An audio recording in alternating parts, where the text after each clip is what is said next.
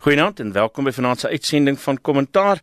My gaste in die ateljee is die oud parlementariër Pieter Mulder.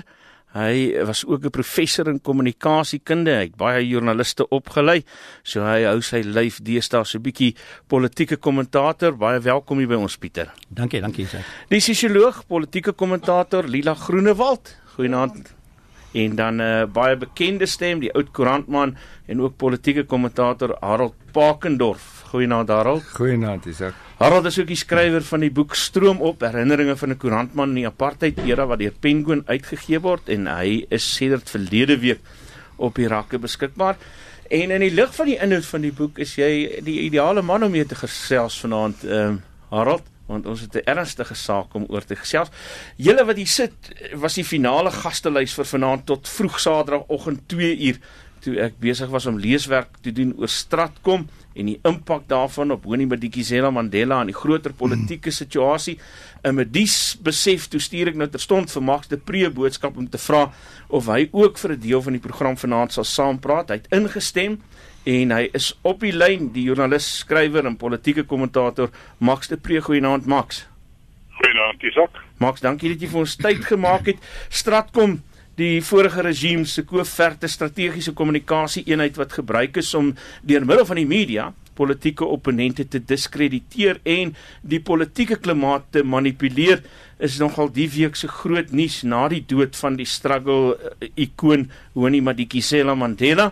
Nou die inligting het weer na vore gekom na 'n dokumentêre program op ENCA oor Madikizela Mandela.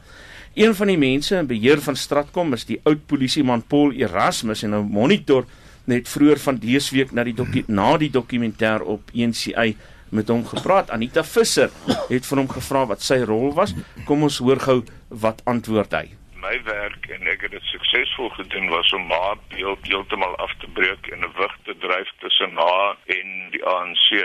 En ek het dit baie suksesvol gedoen en vir dit het ek aanprysings gekry van ons regering en die polisie natuurlik. Nee, hy was 'n vrou wat daai tyd in lyn was om 'n ten minste senior pos in 'n nuwe regering sou gekry het en my fabrikasie was Winnie en ewen haar dogter was dronkklappe, mense van lae morele standaarde, dagga gerook, ehm um, sy was vicious, uh, sy die ehm um, sy was skuldig hier is 'n baie belangrike punt aan die moord van tot kinders stompie. En daai stompie ding het om haar nek gehang soos albatros vir jare. Paul het jy journaliste gebruik om hierdie werk te doen? Wel, ja, natuurlik. Ek meen uh, ek ek kon self ek het 'n agent gehad wat jy sal dit nie glo nie wat in Britse intelligensie in die Tweede Wêreldoorlog gehad. En eendag het ek die hoofeditoriaal en al die briewe is deur ek en hierdie ou vervals en geskryf. Ek het hom voorsien van die laaste stukkie skryfbehoeftes.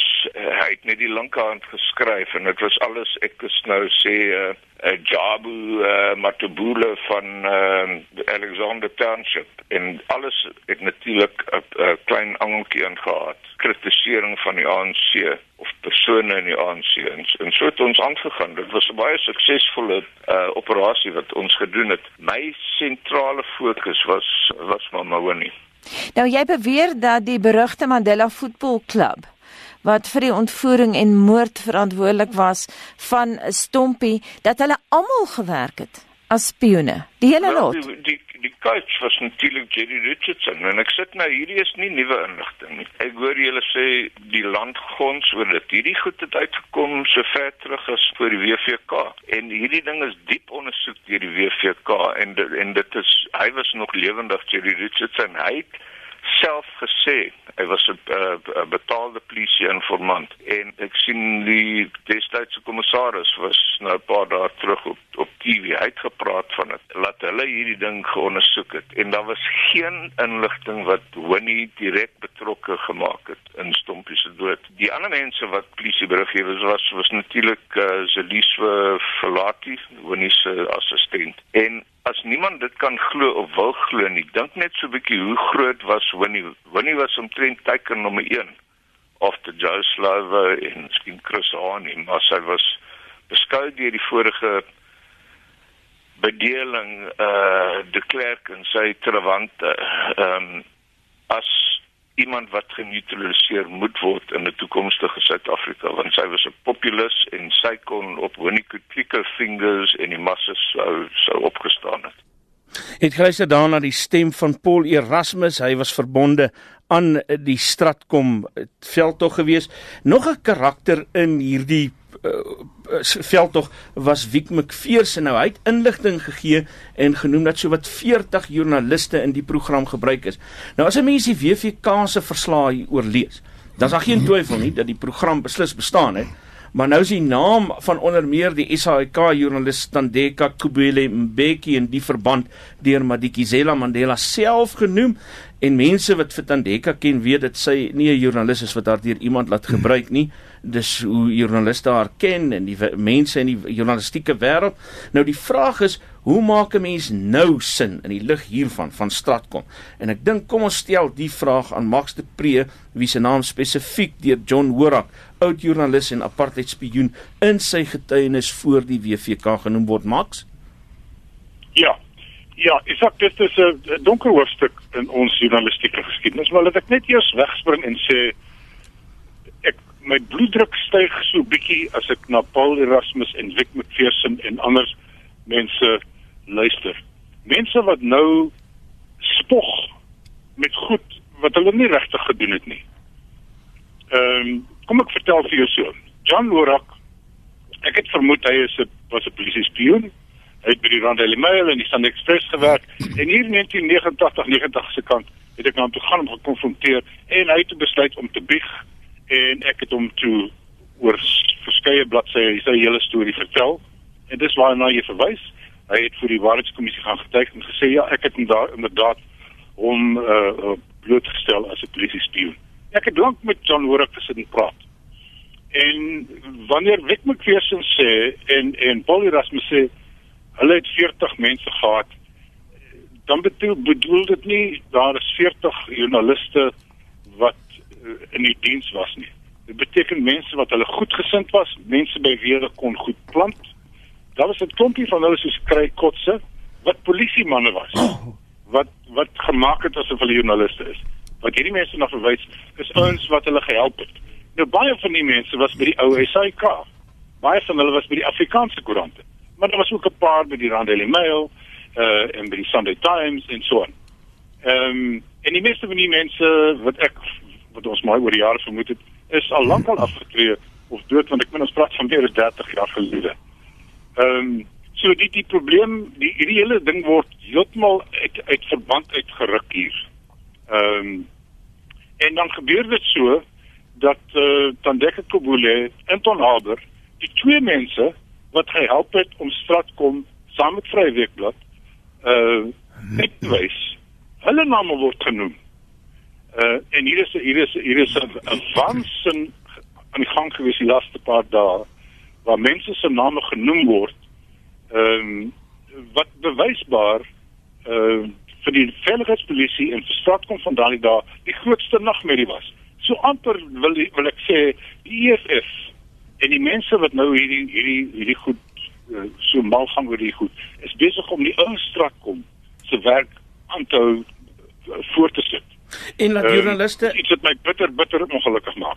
Is is joernaliste ook besig om hulle aan die neus te laat rondlei deur hierdie storie? Ek wil die vraag vra spesifiek met verwysing na Huffington Post se video uh wat hulle opgeplaas wat hulle geplaas het en daarna 'n ja. klein verskoning aangebied het. Ja, dit was dit was dit was was godskreund wat hulle gedoen het. Om die waarheid te sê, die oorspronklike Winnie Mandela dokumentaar ehm um, dit was verkeerd om dit net so uit te saai want daar sit sy ehm um, mevrou Mandela en sy sê net wat sy wil uit haar bitterheid en sy weer gehad om bitter te wees maar sy praat oor haar eie bitterheid en sy demoniseer byvoorbeeld vir Desmond Tutu en die EFF het op hierdie by die wa gespring en hierdie week het hulle hom satan genoem ehm um, jong mense wat nie weet wat die waarheidskommissie was nie. En maar, en die die, die Winnie Mandela dokumentêr moes saam met die paneel uitgesaai gewees het om dit in konteks te plaas. Toe kom Huffington Post met hierdie ding en waarin Tandeka en Anton se name genoem word. Uh dis afgryslike soort journalistiek wat ons nie moet toelaat nie want as jy jy, jy kan maklik bewys wat jy is, maar jy kan nie bewys wat jy nie is nie. Tandeka gaan vir die res van haar lewe gaan mense skinder of sy vir straat kon gewerk het. Ehm um, dis afgryslike goed hierdie wat wat aan die gebeur het. Dit is sleg vir ons in die media. En en ek hoop die mense wat nog leef wat destyds bloot. uh, die veiligheidspolisie se vuilwerk wat hulle gedoen gedoen het, voel vanaand skaam oor die langtermyn skade wat hulle aan, aan ons beroep gedoen het. Jy luister na die stem van Max de Pre en hy is neem deel aan die program kommentaar hier op RSG. Max bly op die lyn. Ek wil gou nog na ons ander eh, paneellede toe gaan. Harald, jou boek stroom op sy subtitel Herinneringe of sy subtitel is Herinneringe van 'n koerantman in die apartheid era. Nou weet ons uit jou geskiedenis uit. uit. Jy het goed koppe gestamp met die apartheid regering. Jy het ander dag vir my vertel wat byvoorbeeld gebeur het na jy Karen Breinhardt se artikel oor Winnie Madikizela Mandela eh, gepubliseer het. Dit was 'n artikel wat anders as die groter narratief positief oor haar berig het en dis teen hierdie hele straatkom strategie ingedrys het. Ehm uh, gesels bietjie met ons oor hoe jy daardie tyd ervaar het. Kyk, ek wil net sê dat uh, dat dit nie 'n berig was nie. Dit was 'n onderhoud met haar en ons het hom net so geplaas. Uh, en ons het hom geplaas ten spyte van die feit dat sy in dieselfde tyd gesê het ons gaan die land bevry met ons vuurhoutjies en ons brandende bande. En die feit dat sy in die vaderland van daardie tyd oorgekom het soos 'n volksmoeder. Sy het gepleit vir samewerking tussen swart vroue en Afrikaner vroue om al die mense in Suid-Afrika te bevry. En gesê sy hou nie van geweld nie, maar as dit nou moet, dan moet dit seker maar meer sulke tipe goeders wat glad nou nie dieselfde is wat Paul Erasmus net nou gesê het nie. En nou die ligte kant van die storie is dat toe Louis Legrand die destydse minister was verskriklik kwaad en ek neem die hele straatkam uh, was seker ook vies want Gransie het vir een van ons politieke redaksielede gesê net toe ons haar het toe dat julle Alexo se ACVV tannie. Nou kyk sy was sonder twyfel 'n omstrede figuur geweest en sy was 'n baie belangrike figuur. Sy was 'n simbool van die ANC toe die ANC gesukkel het in die in die strate van Soweto en elders is eintlik die UDF wat hulle weer teruggebring het. Ehm um, dat sy op haar eie opgetree het en dit dat die sentrale ANC nou sake ontstel het dat sy nie altyd na hulle geluister het nie, is ook so. Maar dit is wie sy is. En die goed wat sy destyds gesê het, as jy na haar agtergrond kyk, is dit eintlik nie so verskriklik erg nie. Lila Groenewald, ehm uh, jy was uh jonk geweest daai tyd. Ehm uh, nie 'n student nie. Ek het gedog jy was daai tyd 'n student geweest, maar dis omdat jy so jonk lyk wat ek so gedink het. Ehm um, dit was die tyd van die voelvrye beweging onder meer was daar deel daarvan. Ehm uh, jy was in sommige opsigte aktivis. Uh wat is jou ontleding van wat uh Stratkom was? Ja, uh Isak, weet jy, as ek mag, wil ek net terugspring en sê ons praat nou immers van 'n afgestorwenes. So miskien kan mens begin deur te sê sy was werklik 'n formidable, vreeslose vryheidsvegter wat 'n voorbeeld gestel het vir miljoene, miljoene mense wat na haar opgekyk het. En dit is natuurlik hoekom sy so 'n doring was in die vlees van Stratkom en hoekom hulle met operasie Romulus um haar elke beweging dopgehou het, haar aanhoudend getuister het en 'n uh, uh die een na die ander klad op haar naam versprei het. En soos ons nou weet uit die getuienis in die openbare rekord, was daar totale versinsel wat uh hoofsaaklik gefokus het op leefstylaantuigings soos byvoorbeeld uh drankmisbruik en seksuele gedrag. En dan was daar uh, brokkies van ware verhale wat opgeblaas is of uit konteks gebruik is, soos byvoorbeeld van die gedrag van die seuns of jongmans in die Mandela United Football Club. Um en al hierdie beswaddering en valshede wat ons vandag weet, weet ons grootendeels as gevolg van as ek so mag sê die harde werk van die Waarheid en Versoeningskommissie. Um so daar het Paul Erasmus getuig en dit is eintlik 'n um, verstommende mate van geheueverlies wat ons gesien het in sommige van die beriggewing en reaksie wat hierdie week soos jy gesê het van jong mense wat nie daar was nie op op daai stadium sekerlik is deel van die gesprek. So 'n werklik verstommende mate van geheueverlies rondom die Waarheid en Versoeningskommissie proses wat tentoongestel is en Paul Erasmus het daar alles getuig in verband met die beswaddering en ons het baie beslis geweet van die status as informante van Koliswa Falati en van Jerry Richardson. Ehm um, dis opgeteken in die transkripsies en die bevindinge soos jy genoem het. So dit is alles in die openbare domein. So die idee wat op sosiale media die rond te doen dat miskien was 'n man van opperste integriteit soos aartsbiskop Tutu uh eintlik besig om voort te sit die werk van Stratkom is werklik 'n lae klap in die gesig van daardie mense. En kom ons kyk na 'n lys van van die ander mense wat betrokke was, uh PSP Go, Hanif Wali, uh advokaat Tomisans de Beza, die man wie se skootrekenaar onlangs uit sy motor gesteel is met die bewyse wat moes dien voor die Marikana kommissie. So ja, ek sal um saamstem met die idee dat ons kan nie hierdie poging om uh tot 'n mate die waarheid en versoeningskommissie proses te diskrediteer, die UDF mense te diskrediteer, sien apart van die feit dat ons in die aanloop is tot 'n verkiesing in 2019 nie. So destyds het ons gesien die striweling rondom die kern en die karakter van die ANC in byvoorbeeld die besluit van die Mandela en de Klerk regering om nie vir mevrou Mandela te vervolg nie waaroor Azapo destyds woedend was. Hulle wou haar aan die boek gebring gesien wees, gesien het en ons sien vandag die striweling in die tipe goed wat by haar begrafnis afgespeel het. Ek dink um as joernaliste, as ontleeders, as navorsers, um is daar sekerlik 'n mate van 'n verpligting om ook te kyk na watter stemme is werklik die wat die meeste onderdruk is, die meeste stil gemaak is en dan moet ons ook dink aan vryheidsvegters en families uh van wie daar 'n reuse opoffering gevra is nie net van die apartheidsregering nie, maar ook van mevrou Mandela en haar bedenklike trawante. En hier dink ek aan die families van mense soos Lolo Sono, Anthony Shabalala, Vincent Sefaku, um en die People's Doctor Dr. Abu Bakr Asfat. Oor wie se sterftes daar nog nie volledige antwoorde is nie en mevrou Mandela het dit saam met haar graf toegeneem.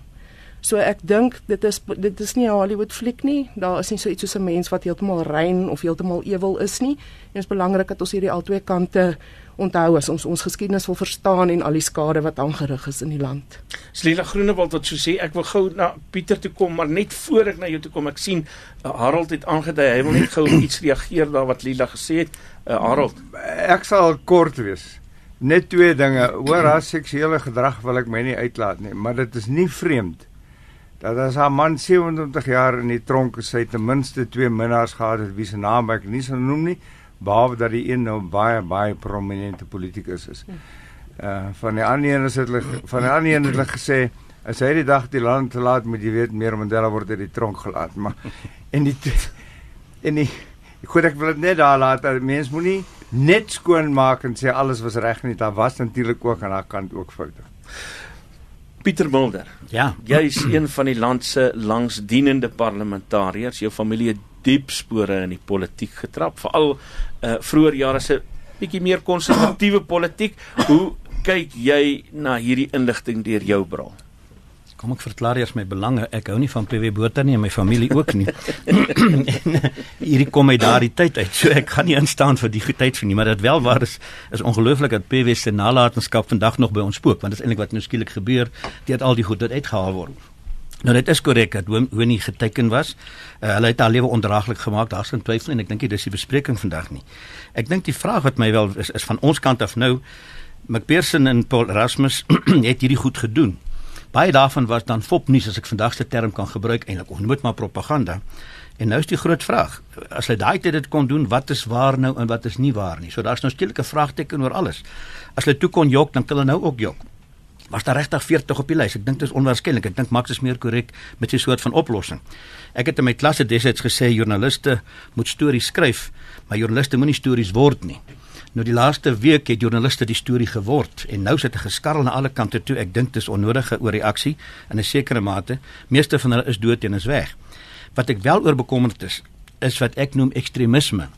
En ek is bevrees dit in 'n mate daarin gespeel En nou moet ek na die begrafnis toe gaan as jy gaan luister daar gister wat gesê is en ek moet vir Malema ook noem wat onmiddellik op hierdie goed geteer het. UDF onthou die UDF mense sit daarso. Sy sê die kabal sit hier agter jou uiteindelik en onmiddellik wat ook al. En dieselfde moet uh, die vrouens wat bedank het, jy weet, uh, mevrou uh, Noziwa Nkakula, die minister van verdediging, was een van die vrouens wat bedank het uit die vroue liga toe hy president word. Sy is een van die programaanbieders. So Malema sê hierdie vrou so en so en so en so. En my dilemma met ekstremisme is jy kry altyd ekstremiste in 'n land. Daar's abortus ekstremiste, omgewingsekstremiste links en regs. My bekommernis is as hulle standpunte nie meer 'n randverskynsel is nie, maar na die middel begin beweeg as 'n meerderheidsstandpunt. En gister daar by die stadion het ek 'n paar keer toe ek nou gekyk het en die hele ding bekommerd geraak. Ek het op die televisie dit gevolg oor Mandela Malema se manier van hantering. Hy wat is sy standpunt? Hy sê Malema Mandela het swak onderhandel. Hy het te veel toegegee uiteindelik. en hy was eintlik 'n swakkeling gemanipuleer deur die uh, deur die nasionale party. Maar wat hulle sê Ewie moet Nuremberg verhoor kry en al die goeters. Nou die film gekom en ek is bly Max ook na die film verwys. Dis 'n baie interessante, fascinerende film wat 'n sekere dimensie toelig wat Pascal Lamscher sogar reg uitspreek. Maar die film het een honie se kant amper probeer kwytskeld. Dis 'n jaar oud film in 'n sekere mate en baie van die goed uit konteks het aangehaal. En nou skielik is Tutu en Mandela is die misdadigers en Winnie is die held en dis my bekommer as ek sê nou begin ekstremisme half na die middel toe beweeg en dis nie goeie tyd om dit ek uiteindelik te kry na na al kante toe nie omdat daar nie balans was nie. Om die ding uit konteks. Kom ons vat hulle half van Neil Barnard aan. Wat sê Neil Barnard? Hy sê ons moet onderhandelinge besig en al die soort van dinge. Met Mandela gaan goed aan, maar Winnie is 'n probleem. Dis 1990 in daai klimaat. Nou skuif jy dit na die klimaat van die afgelope week wat 'n emosionele klimaat was. En skielik word uh, die hele nasionale party in die ANC en Mandela en Mbeki almal deel van 'n vreeslike strategie. En dis my bekommernis, die narratief tans bekommer my op die oomblik wat aangaan. Max, jy het nou-nou uh die uitsending van hierdie dokumentêr gekritiseer. Nou die joernalis Shalien Smit het uh, ook 'n kritiek oor die dokumentêr gehad. Volgens haar het Anne Marie Bestrop, Bonie se biograaf, nie regtig geweet waarvan sy praat nie. Sy skryf dit op Facebook en ek het haar toestemming gevra om hierdie uitlating van haar vanaand te gebruik. Sy kritiseer Bestrop byvoorbeeld oor die feit dat sy sê die ANC leierskap het Nelson Mandela onder druk geplaas om van haar te skei oor beweringe dat Chris Hani en Winnie teen Madiba was en dan sê sy 'n interessante ding uh, dat Winnie reg is daaroor dat daar meer is in die dood van Chris Hani as net 'n regse komplot. Volgens Smit het Matthew Sposa en Jacob Zuma haar na Hani se dood gevra om te help met die ondersoek na Hani se dood en die probleem was blykbaar dat daar by 'n muur naby Hani se huis twee patroondoppies en sigaretstompies asook 'n koeldrankblikkie was wat nie aan Janus Wallis of Dawie Loos verbind kon word nie en daar word geglo volgens die inligting uit hierdie uh, dokumentêr uit en volgens Celine Smit dan nou uh, legitiem is dat iemand in die ANC ook wou gehad het Hani moet uitgehaal word omdat hy in die pad omdat hy in hulle pad na die na bo gestaan het. Van wie praat Smit hier op watter manier pas die storie in die prentjie wat hier in 'n uh, die Stratkom bom uh, besig is om te ontvou Ja, ek, ek wil my nou nie vreeslik uitspreek oor Annelie nie. Ek was met haar getroud vir baie jare. Dis die maar van my kinders. Uh en en uh vir Shaline om te sê sy het nie sy weet nie wat sy praat nie. Annelie het die die uh, standaard biografie oor hy geskryf wat baie goed ontvang is. Nee, ek dink Shaline uh, is besig om met uh om met samesweringsteorieë die mekaar te raak wat sy waarskynlik by die SAKP kry. Nou die SAKP sê Janus Wallis moet daar in die tronk doodgaan tot hy vertel wie in die ANC hom gehelp het. Nou ek het elke oomblik van die waarheidskommissie se verhoor uh se sitting oor oor Chris Hani se dood bygewoon. Ek was ook by hulle hofsaak. Uh ek kan nie in my wildste drome enigiets insien anders as dat uh dit suiwer hierdie mannetjie was wat wat uh, hy en Dawie Loos dat dit 'n regse komplot was nie. Uh daar's geen 'n uh, swempie van ander getuienis hieroor nie. Nie is nie 'n swempie wat wat enige iemand al ooit in die openbaar gesê het. Al wat hulle sê is dis Dr. Tabo en Becky. So dit help nie om sulke goed in die openbaar te kom sit nie. En ek dink ENCA was bietjie roekeloos om hierdie ding so ongetoets en sonder om konteks te gee uit te saai. Dit was suiwer net uh Willie se woede wat hy gepraat het. En ek meen soos soos Harold en en Lila gesê het natuurlik het sy rede gehad om kwaad te wees. En toe sy Tandeka en Anton se name genoem het, was sy ook kwaad. Sy was kwaad want hulle was struggle joernaliste, maar hulle het daar hulle het daar uh, negatiewe goed oor geskryf. So nee, ek dink uh, ons moet hierdie goed laat lê. Uh, die SAKP het nou al wat 28 jaar gehad om uh, om om enige getuienis aan te bied dat enigiemand anders as Janus Wallus en Clive Darby Lewis by Hannie se moord betrokke was en niemand kon nog 'n enkele enkele suggestie van 'n feit uh, na vore bring nie. So uh hierdie hierdie die twee dokumentêre, die onderhoud met Winnie en die dokumentêr het die land op sy kop laat staan. En die waansin van die laaste week is absoluut ongelooflik en en hier is nou skielik 'n uh, 'n salige verklaring van Winnie Madikizela Mandela. Ek was verstom om stoere ou joernaliste te sien wat skielik in die openbaar praat en skryf op televisie en op radio van Mawili. Nie mevrou Mandela, Madikizela Mandela nie.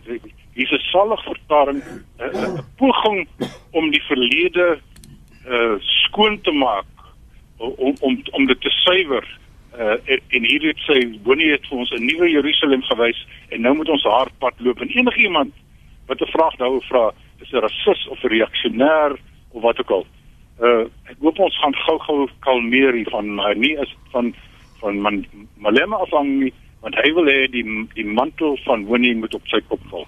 Ons gaan moet begin aanbeweeg na van ons onder ander onderwerpe toe. Ek wil net vinnig die laaste vraag aan julle as paneel vra.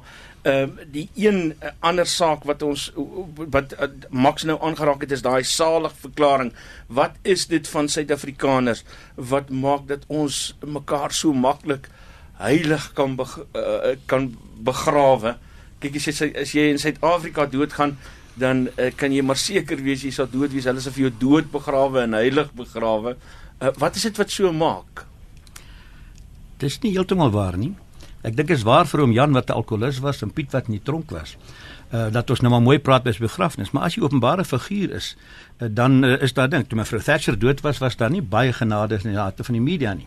Dit sal interessant wees as as Ewe iets oorkom of vat maar vir Steve Hofmeyer of dit nou heeltemal onaantastbaar gaan wees En was interessant dat van die swart joernaliste soos Mondle Makanya en die geskryf het daaroor dat jong, jong hoe ver moet ons nou mag ons evalueer mag ons nie evalueer nie. Nou ek het gedink bly hang laag uiteindelik dat dat die begrafnis verbygaan. Dit is nie die ideale ding om dit daar te doen nie. Ek dink wat mense moet bysit en ek weet as jy nog nie by die begrafnis nie die ANC is wat my betref 'n breë kerk. dit weet ons almal, kommuniste, kapitaliste, vakbondmanne, panafrikaniste. En in my ervaring is die enigste sement wat hulle bymekaar hou, is die verlede. Met ander woorde, die struggle, die apartheid eintlik. En hoe hoe verder die weg beweeg, hoe moeiliker raak dit om almal bymekaar te hou. Ons weet van die faksies op die oomblik. En dan is so dinge 'n ideale geleentheid om die eenheid weer 'n keer wakker te maak en weer al die dinge wakker lewendig te maak. En ek dink dit is ook die doel rond die begrafnis wat wat my betref misbruik is as 'n platform vir politiek. Maar dit was 'n poging om weer hierdie eenheid wakker te maak na alkante toe en die eenheid te behou en in haar te kry. En wat die dilemma net daar was wat my betref is elkeen het probeer buikspreek deur haar. So hoor nie dinge se Malema sal sê sy het so en so gesê. Malema se Fikile sê sy het so en so gesê en Ramaphosa sê sy het so en so gesê en dis eintlik oor haar begrafnis en Mantashe moet inkom en sê asseblief dit gaan oor 'n begrafnis kom ons los hierdie verdeeldheid. Maar ek dink dit speel ook 'n rol in die hele geveg tans in die ANC self ook ja. Dis Pieter Mulder se stem wat jy daar hoor op hierdie punt. Max de Pre baie baie dankie dat jy op kort kennisgewing ingewillig het om deel van die program te wees. Daai deel kan eintlik 'n baie langer bespreking regverdig, maar dankie dat jy jou stem vanaand laat hoor het. Groetnis, totsiens. Kom ons beweeg hier in die ateljee oor na die buiteland toe. Ek wil net vinnig nog iets byvoeg. Ekskuus Harold, ja. En, en, en dit is uh, dit hoef nie daar daar kan 'n ander komplot wees as dat iemand van die ANC betrokke is by die moord op Hani. Daar was daar was bewyse dat daar iemand anders by was toe dit 'n derde persoon en dat die derde persoon mag dalk net ook deel gewees het van die regse komplot. Maar dat dit nie net die twee was nie. Daaroor het daar al baie geskryf net in die eerste plek. In die tweede plek uh, die, begrafnis van Winnie Mandela uh was 'n klinkklare bewys dat die politiek in Suid-Afrika links geskuif het en radikaal geskuif het dat die DA nie die faktor is wat hy dink is nie want die geveg is aan die linkerkant en dan net heel laaste in een sin want ek ek kan net kort praat en dit is die begrafnis was 'n beeld van hoe diep die verdelings in die ANC is. Ons gaan nou weer terugkom soontoe as ons oor Julius Malema se toespraak gesels, maar ek wil hê ons moet net vinnig buiteland toe gaan. Amerika en Sirië uh, na weke van oor en weer beskuldigings, vingerwysery in die VN tussen Amerika en Rusland. Uh dis nou na daai gifgasaanval in Douma in Sirië het Amerika en sy bondgenote Brittanje en Frankryk die naweek 'n lugaanval op Sirië geloods. Party mense sien dit as die koms van 'n derde oorlog. Uh mense sal nou nie weet nie, maar Donald Trump het nou getweet mission accomplished en hulle het nou aangedui dis nou klaar. Dit hulle het presies dieselfde omtrent 'n jaar gelede ook gedoen. 'n um, vinnige aanval geloods en uh, terug gaan sit om te gaan kyk wat er gebeur. kom ons begin by die vraag wat sit regtig agter die spanning met Rusland en Sirië? Kyk ek dat ek weer eens net vinnig iets sê. Ehm um, uh, nie om by die Eerste Wêreldoorlog het daar 'n boek verskyn wat vandag nog waar is. In Duits der Untergang des Abendlandes, die ondergang van die weste. En Donald Trump is besig om die weste se ondergang te lei. Dit dit is die agtergrond waartoe jy dit alles moet sien. Die feit dat hulle Sirië aangeval het teen wie teen die regering in Sirië wat bondgenote van Rusland is, dis baie baie baie vreemd. En en en en, en hoë risiko, maar jy moet ook onthou dat die moontlikhede van die afbreek deur Trump van die kernooreenkoms met Iran is heeltemal moontlik. Hy met elke 120 dae sê alles is nog loop nog reg, maar met die nuwe raadgewers wat hy het soos John Bolton is die moontlikheid skraler dat dit sal doen en dan terselfdertyd wil hy met Noord uh, Korea onderhandel oor hulle kernprogram. As jy Noord-Korea is, dan gaan jy dan dink, moet ek nou met Donald Trump ooreenkoms aangaan? Wat gaan die volgende president van Amerika doen? Want die onderhandelinge moet tussen staat en staat wees, nie 'n verbygaande man soos Trump nie kan ek Ja, ekskuus Pieter, jy? Excuse. Nee, ek ek dink en wat belangrik is is wat sekretaris-generaal Antonio Guterres gesê het nadat die VN se raad gesit het, want nou daar was 'n mosie van die Russe nou uiteindelik probeer dit daar kry hulle het al verloor. Drie stemme vir hulle mosie, agt daarteen, maar goed, hulle sou nooit dit daar kon verbykom nie. Maar hy het gesê Sirië is vandag die ernstigste bedreiging vir wêreldvrede in die wêreld. Dit is baie ernstig en die ernstig lyk my daarin dat jy amper ek wil nie sê seentjies nie, is nou wille woord om te gebruik van staatsmanne soos Putin en en Trump maar ek soek wysheid daarso om te sê jong, een verkeerde foutjie, een misverstand kan die ding laat ontplof. Want hy het gesê ek gaan Putin eers sy ding gedoen, toe sê moenie dit doen nie, toe doen Trump nou sy ding. En hierdie tit vir tit is soos wêreldoorlog begin het. As jy gaan kyk na die Kubaanse missielkrisis wat presies dieselfde Khrushchev en Kennedy op die rand hoe ver dryf jy hom. Putin het nou gesê ons gaan optree uiteindelik en, en die ambassadeur het gesê dit gaan gevolge hê, die Russiese ambassadeur. Nou waar gaan ons heen? Nou wat die ding ingewikkeld maak is al die al die faktore. Ons het behalwe net die Russe en die Amerikaners wat nou kante gekies anders eie is Iran betrokke omdat hy en dis nou die ou godsdienstverskille daar tussen die Shiite en die en, en die Sunnis en omdat Iran betrokke is, raak Israel nou betrokke aan die ander kant. Turkye is betrokke omdat dit gaan oor die Koerde en elkeen het sy eie belang daarbey saam en die ding kan eskaleer. Ek het nou eendag toevallig net weer gelees oor die bom op Hiroshima en wat dit eintlik 'n vertaal misverstand was volgens iemand die eis is gestel aan Japan om oor te gee Die eerste minister gereageer met die woord mokusatsu as ek die Japanees reg uitspreek en die vertaler het dit vertaal pleks van geen kommentaar na ignore toe en toe gooi hulle bom. Nou, dit kan 'n bietjie simplisties so eerweergawe daar gebeur het, maar dis die soort van goed wat ek dink kan laat ontplof en daarom sê ek al die elemente is hier.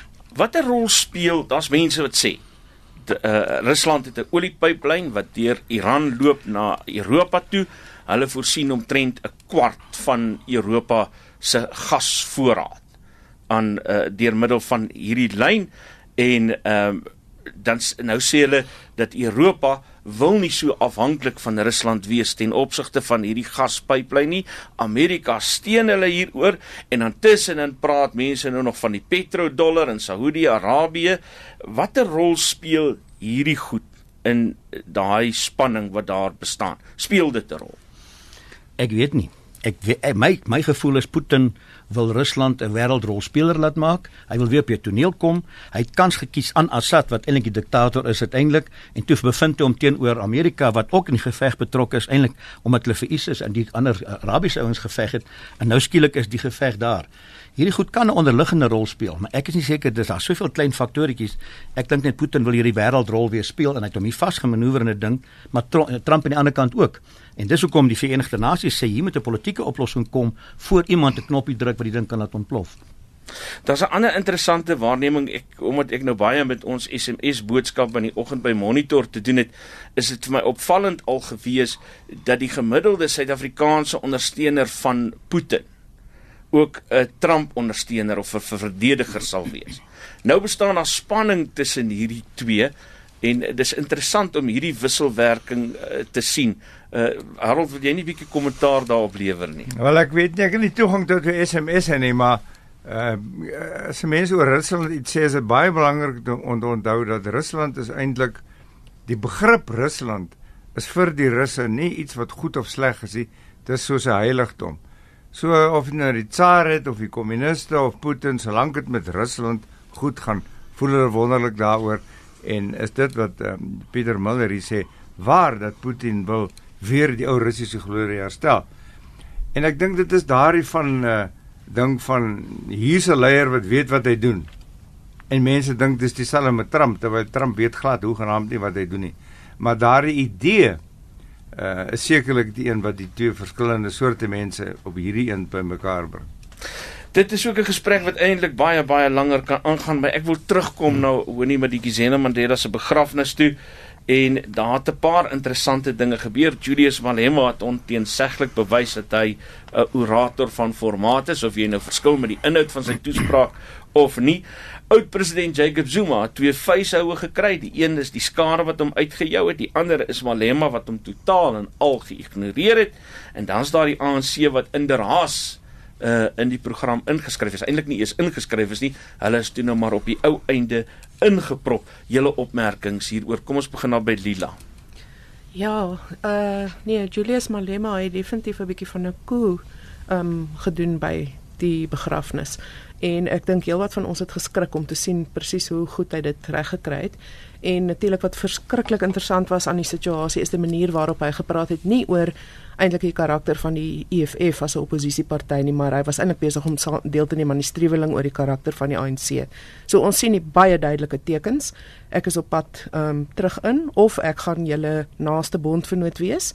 Dit is sy plan en dan wil hy terselfdertyd die die meer gematigde ou sosiaal-demokratiese kern van die ANC um een kant toe stoot. Hy wil hulle uitstoot. Ek wil aansluit by daai opmerking wat jy gemaak het oor 'n bondgenoot met die ANC. Daar is bespiegelinge oor die moontlikheid dat die ANC die EFF weer kan nader hark.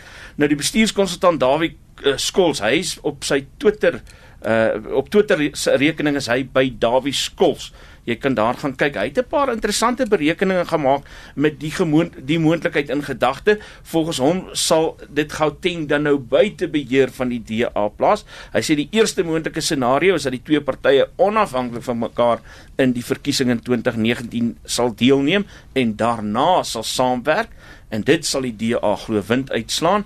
Die tweede scenario is dat die ANC voor die verkiesing met die EFF saamsmelt wanneer die DA se hoop so bietjie sal verbeter, want dan bestaan die moontlikheid dat die ANC dalk net 50% kan mis.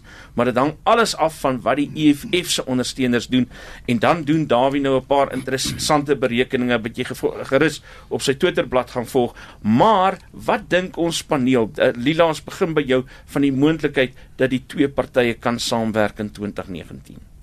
Ja, ek samewerking sien ek beslis Isak. Ek dink samesmelting voor die verkiesing sal uh, ek ek dink dit is onwaarskynlik op hierdie stadium, maar die moontlikheid van baie nabye samewerking word nou sommer beskryf as uh mevrou Mandela se se doodswens, haar wens op haar sterfbed. So ek dink die retoriek word klaar rondgegooi om dit absoluut moontlik te maak.